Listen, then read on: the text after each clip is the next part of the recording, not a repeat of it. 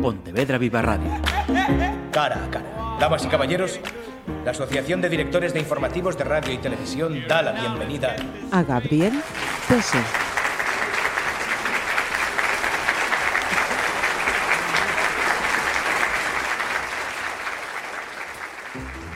Abrimos los micrófonos de Pontevedra Viva Radio para charlar de nuevo con un pianista, productor musical, arreglista, compositor y pontevedrés.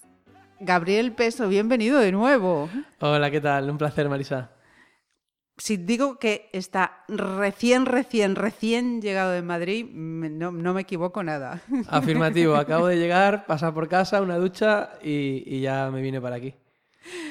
Mm, trae una chispita en los ojos que yo creo que tiene mucho que ver con, con ataraxia, porque Gabriel va a terminar 2022 con un nuevo disco y ya arranca una, una gira por, por Galicia para presentarlo. Tercer disco, Gabriel como compositor, pianista y en ese formato trío del que ya habíamos hablado la vez anterior. ¿Es posible describir ¿A qué suena Ataraxia? Pues a ver, eh, al final eh, es un formato trío, eh, un formato clásico de jazz, esa formación acústica con el que, con el que yo me encuentro muy, muy comprometido, muy libre y muy realizado, ¿no?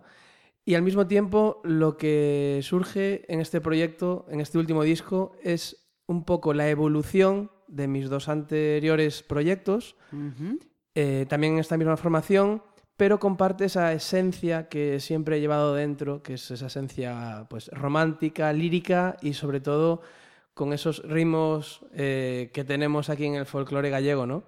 Entonces es esa fusión de esto que estoy comentando con un formato clásico de, trío de jazz. Con David Ruiz y Miguel Asensio. Miquel Asensio. Miquel Asensio. Perdón, es que no me he puesto yo las gafas con el suficientemente aumento para leerme la, chuleta. Decías, te he leído que mm, lo compusiste en ese momento tan raro uno que nos tocó vivir a todos. ¿De qué manera eh, influyó ese momento en Gabriel? Pues fue un momento donde tuvimos que parar eh, toda la sociedad obligatoriamente y aproveché para llevar esas ideas que ya tenía en, mente, pero que por cuestiones laborales no había podido plasmar y dedicarle el tiempo necesario para desarrollar esas ideas, ensayarlas, grabarlas y producir un, nuevo trabajo. Entonces dije yo, ahora es el momento. Em, tenía ya cosas hechas, pero eh, fueron muy trabajadas y muy elaboradas, las que ya estaban hechas, y las que no, fueron creadas en esa misma etapa. Hablamos en la etapa del confinamiento. Entonces, claro, yo me encontraba aquí en Pontevedra, pues con los perros, con mis padres, con mi hermana y con mis ocho teclados eh, y mi piano ahí, pues 24 horas al día sin, sin ver eh, no tener noción del tiempo, ¿no? Ni tener ese estrés de, ay, el martes tengo concierto, el jueves tengo una grabación. Era un remanso de paz. Afortunadamente estábamos todos bien de salud. Y entonces eh, yo le dediqué el tiempo a, a, mí, a tener esa paz, esa tranquilidad e intentar plasmarla en todas esas melodías que llevaba dentro y que estaba en un proceso, un remanso de paz. y ah, tenía una etapa pues creativa, ¿no? Me había llegado la musa.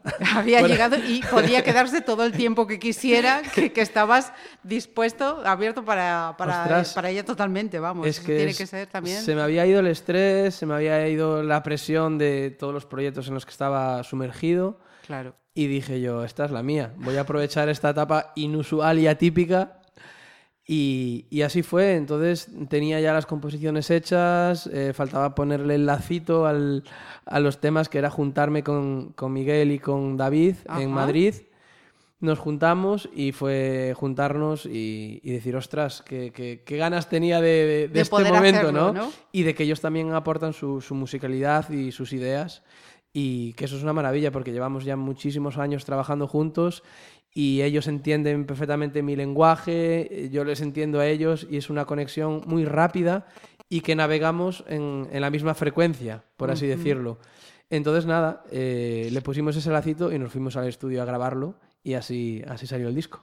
Transcurrió mucho tiempo de esa fase de composición, claro, obligado por los tiempos que marcaba la, la, pandemia, me imagino, lógicamente, pero pasó mucho tiempo desde ese momento composición, musa, hasta que llegáis al momento grabación. Pues sí, pasaron unos meses porque al volver a Madrid fue cuando eh, se empezó a desarrollar toda poco a poco, ¿no? Fase 2, fase 3, fase 4, pero sí que había actividad. Eh, musical. Entonces eh, empezó a venir trabajo y otra vez tuve que volver a dejar lo mío. Y dije yo, ah, no puedo compaginar las dos cosas a la vez, que siempre lo intento hacer, pero es complicado. Porque o eso o no, dormir, que a veces, que a veces pasa. Entonces, bueno, eh, tuve justo ese año una de las giras con, con Bisbal y luego otros proyectos. Y en cuanto tuve otro pequeño parón, fue de que dije, ahora, ahora. ahora lo mato el toro, ¿no? Y, y, lo grabamos justo el, a principio del, del, año, del año pasado. Madrid, fuiste, grabasteis en Madrid. Mm. Bien. Mm, del sinapsis de 2013 a este Ataraxia en 2022, pasando travesía 2018, Allí los eh, conductores son proyectos eh, estancos, diferentes unos a otros por el momento en el que te pones a componer. Pues, a ver, eh, lo que está claro es que hay una evolución personal y musical disco a disco. Yo cuando, cuando saqué mm, mi primer disco, Sinapsis, dije yo, ostras, qué bien, tengo, me, estoy escuchando en, en, un disco, soy yo, qué guay, porque tenía 24 años. Luego grabé Travesía, en el 2018 y entonces dije yo, lo di todo.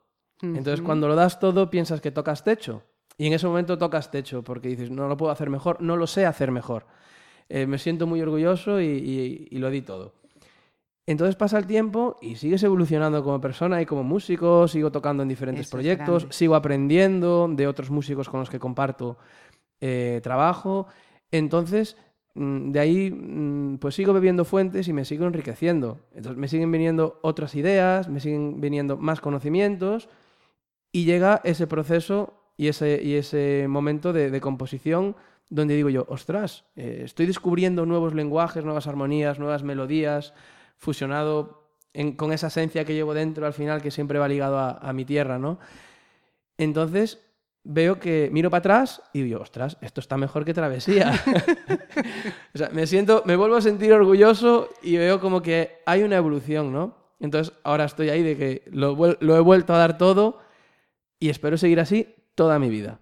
O sea, no, no tener, no tener ese techo que creo que tengo, pues tenerlo puntualmente pues en el momento en el que estás a nivel personal. Sí, para este momento, pero que dentro de un año, de dos, estará más arriba. Ojalá, porque eso quiere decir que... Que sigues creciendo y evolucionando, claro. Es que si no, ya... Sí, malamente. Como uno se estanque ahí ya no da más, ¿Qué hago en esta vida? Yo quiero seguir aprendiendo, evolucionando y, y seguir eh, mejorando eh, tanto a nivel musical como a nivel personal. Y es lo que me satisface, ¿no? de, de, esa sorpresa y disfrutar la vida de, de otra manera no siempre de la misma manera, sino con más, eh, con más conocimientos.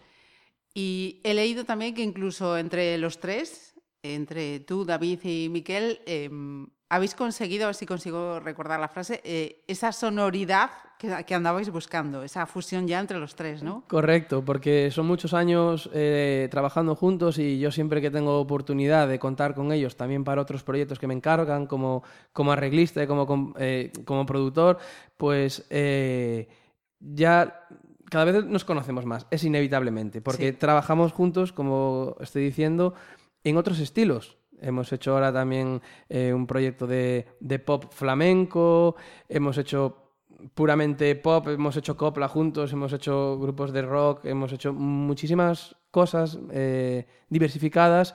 Entonces, eso te da una conexión a nivel humana, espiritual y musical que, que lo que consigues es que un día levantes la ceja en medio de un concierto y la otra persona te entienda. Eso no hay dinero que lo pague. O sea, llegar a esa conexión eh, musical y, casi ni, gestos porque mete un acorde y dice, ah, ya sé a dónde quiere ir. O escucho lo que está haciendo uno y, caemos juntos en el siguiente golpe.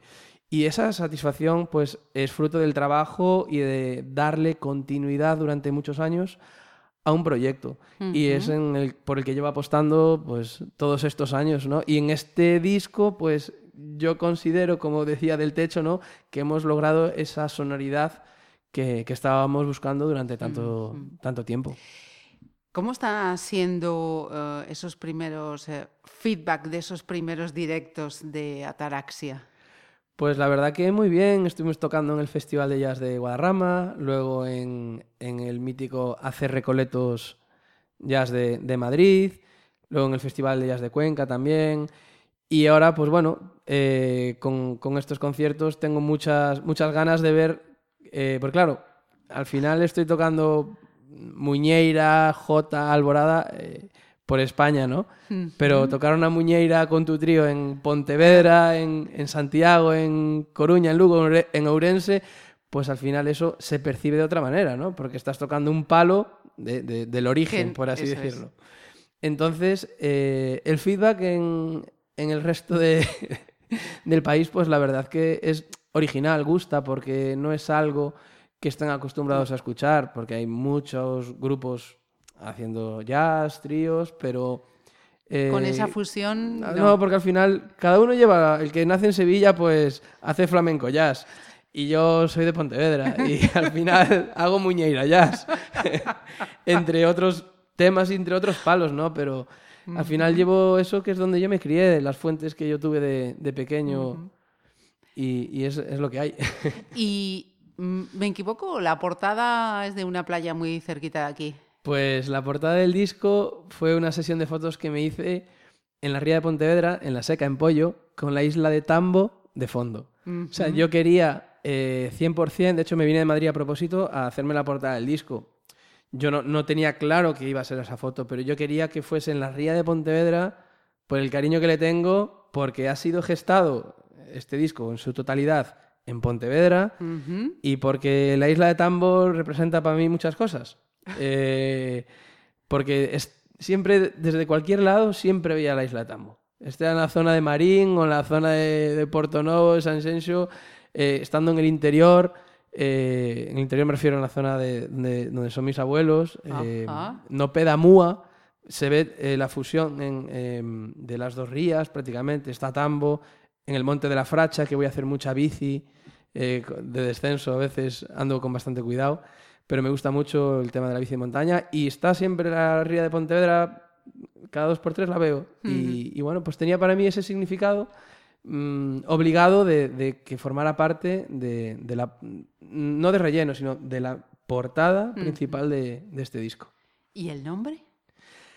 Pues el nombre es una palabra que, encontré eh, fortuitamente, que al final yo en las casualidades no, no creo. Yo creo que cuando algo pasa es, es por algo, a nivel energético o, o de, de, conexión entre algo, porque poco antes, yo, este disco se iba a llamar de otra manera, pero me llegó esa palabra en ese momento y describía totalmente lo que yo sentí a la hora de, de la elaboración y composición de este disco, que era paz, eh, tranquilidad, ausencia de miedos, o sea, era lo que mi música estaba eh, describiendo y lo que yo quería transmitir. Y esa palabra significaba eso, totalmente. Entonces, es una palabra no común, pero sí pero que... le añade además otro encanto a era, todo. Era eso, dije yo, este es mi, este es mi tercer disco. Y es lo que significa, lo que yo quería transmitir con el disco, esa paz, tranquilidad, ausencia de miedos, estar en un remanso de paz, que era el momento donde yo lo compuse, ¿no? Era, en ese momento era todo un caos por la televisión, todo miedo, todo incertidumbre, y yo me metí ahí en mi burbuja y dije, yo no quiero saber nada de... A mí que no me metan... Mal rollo. no, yo quiero estar tranquilo y al final aproveché esa etapa para, hacer música nueva que transmite eso que yo quería transmitir y que era lo que yo realmente sentía en ese momento. Fijaros, todos recordamos eh, esos meses, a quien, a quien se le pasa por alto. En ese momento de, caos, de miedo, mm, Gabriel componiendo paz, tranquilidad y ausencia de miedos. Cuidado. Vamos a abrir el foco. Venga.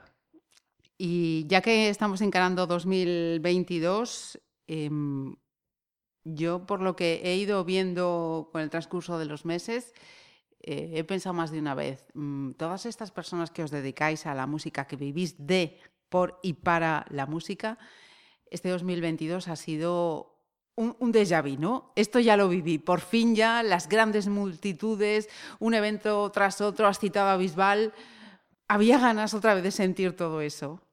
Sí, porque es una necesidad para, eh, para los que nos dedicamos a estar encima de un escenario, ¿no? Al final vivimos del público y no, no lo digo a nivel económico, que por una parte también, pero esa, mm, esa necesidad de ver que la gente está teniendo lo que tú le estás transmitiendo, por así decirlo, Ese, ese feedback, ¿no? Ahí estamos. estás, estás consiguiendo que la gente pues, se emocione y que haya una transmisión de, de sensaciones a través de la música. Entonces, si no hay público, hay cuatro personas, eh, una silla separada a cinco metros de otra, eso Esas es todo muy caras frío. tapadas. No ves, no ves lo que está la gente sintiendo. Ahora, cuando ves la multitud, móviles arriba, eh, la gente gritando, cantando, todos juntos, eh, lluvia de masas, dices tú, ostras, se lo están pasando bien. Les está gustando lo que, lo que estamos, Lo que estamos haciendo, que haciendo. es el objetivo ¿no? del concierto, es que los músicos hagan disfrutar a, a las personas, que, que- que- transmitirles. ¿no? Al final la música es, es transmitir Sentimiento. Totalmente. emociones. Y este año pues hemos conseguido eso. El año pasado ya fue, fue eh, bastante curioso porque estuvimos un mes de gira en Estados Unidos haciendo 16 ciudades en octubre. Y aquí en España aún estábamos con la mascarilla. Sí, y en Estados Unidos no. O sea, fue llegar allí y ver los teatros llenos. Y digo yo, ostras. Pero bueno, temas políticos que Sí. no vamos a entrar, diferentes... eh, Formas de afrontar la situación. Correcto, diferentes leyes, pero sí que fue como un poco... Shock. eh, sí, shock y, y ver antes de lo que nos iba a pasar eh, a nosotros en España Ah. meses después. Ajá, o sea, sí. llegamos aquí, eh, ya abril, por ahí ya había conciertos masivos y dije yo, ostras, pero lo viví ya hace unos meses fuera, pero fue como una antesala, ¿no? Ujú. Pero sí que 2022 fue una locura, porque eh, no había ni locales de ensayo, estaba todo lleno, no había mesas de sonido con las que ensayar, no había equipos eh, que se pudieran alquilar para hacer conciertos. Hubo una cantidad en toda España de, de conciertos, eventos la gente, directos, de, sí. de eventos de, de- de directo, la gente estaba por ambas partes, ¿no? Porque había Con mucha ganas, gente con sed de, Ah, de vivirlo. Tanto el público como las empresas que se dedican a esto por, a nivel económico y por necesidad de los artistas de realizarse Ujú. y decir, llevo dos meses en mi casa, necesito salir a, a exponer mi música y a cantarle a la gente y a tocarle a la gente. Claro. Entonces este año la verdad que fue una, una auténtica locura. Ajá, bien. ¿Y cómo se presenta 2023? Gabriel ya tiene más cositas o vas a ir de gira en gira y va a ir a dosis, ¿cómo, cómo está? Bueno, yo la verdad que mm, hay algunos proyectos eh, interesantes en mente, que algunos se están gestando y otros no están cerrados del todo.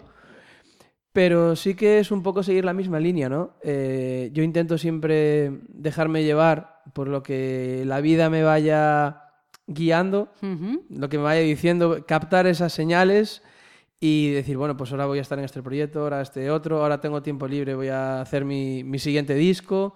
Entonces es un poco eh, partido a partido.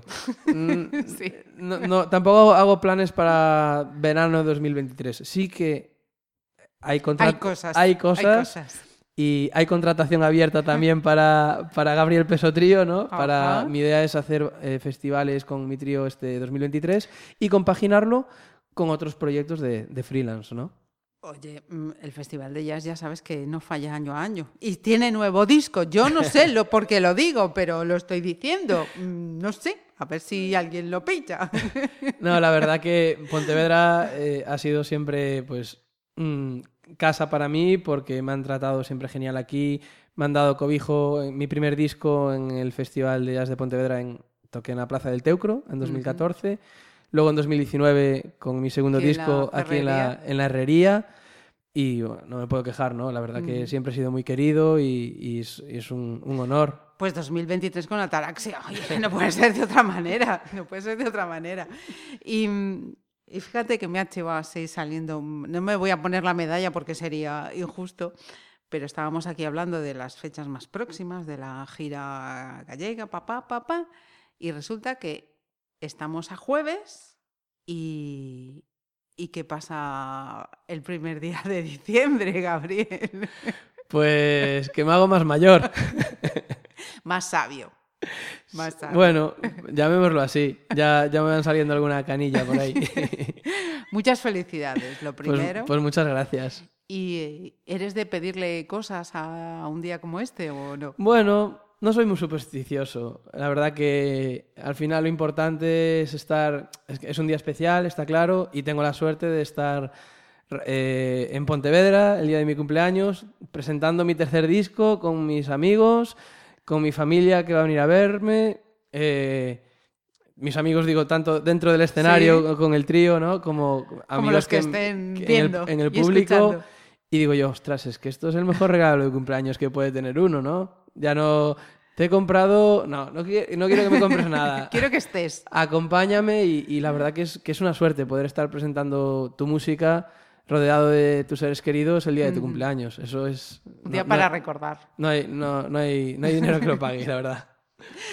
Pues os vamos a poner eh, todas y cada una de, estas fechas en las que mm, de momento ya está confirmado Gabriel en esta gira de presentación de Ataraxia en Galicia y esperamos seguir añadiendo muchas más, que yo estoy segura de que, de que sí será. Eh, Gabriel, em, esperamos invitarte más veces, que haya más, que no, no me cabe duda que, que así será, para que sigas demostrándonos em, hasta dónde sigues subiendo tu cota. Que, que, yo tengo claro que mm, todavía le queda, le queda mucho, porque eres una persona mm, de esas que, mm, que no se conforman, que cada vez se, se pide más y eso hoy en día es, es de valorar, es de valorar. Muchísimas felicidades, muchísimas gracias y muchísima suerte. Muchísimas gracias a ti por, por invitarme. Un placer haber estado aquí y compartir este ratito contigo. Y yo encantado de volver las veces que, que haga falta. Y, Y yo me tengo que escuchar a Taraxia eh, aquí en la ría de Pontevedra a ver cómo... ¿Qué transmite? ¿Qué transmite? Jolín, pues ya, ya me contarás. Muchas gracias. Muchas gracias.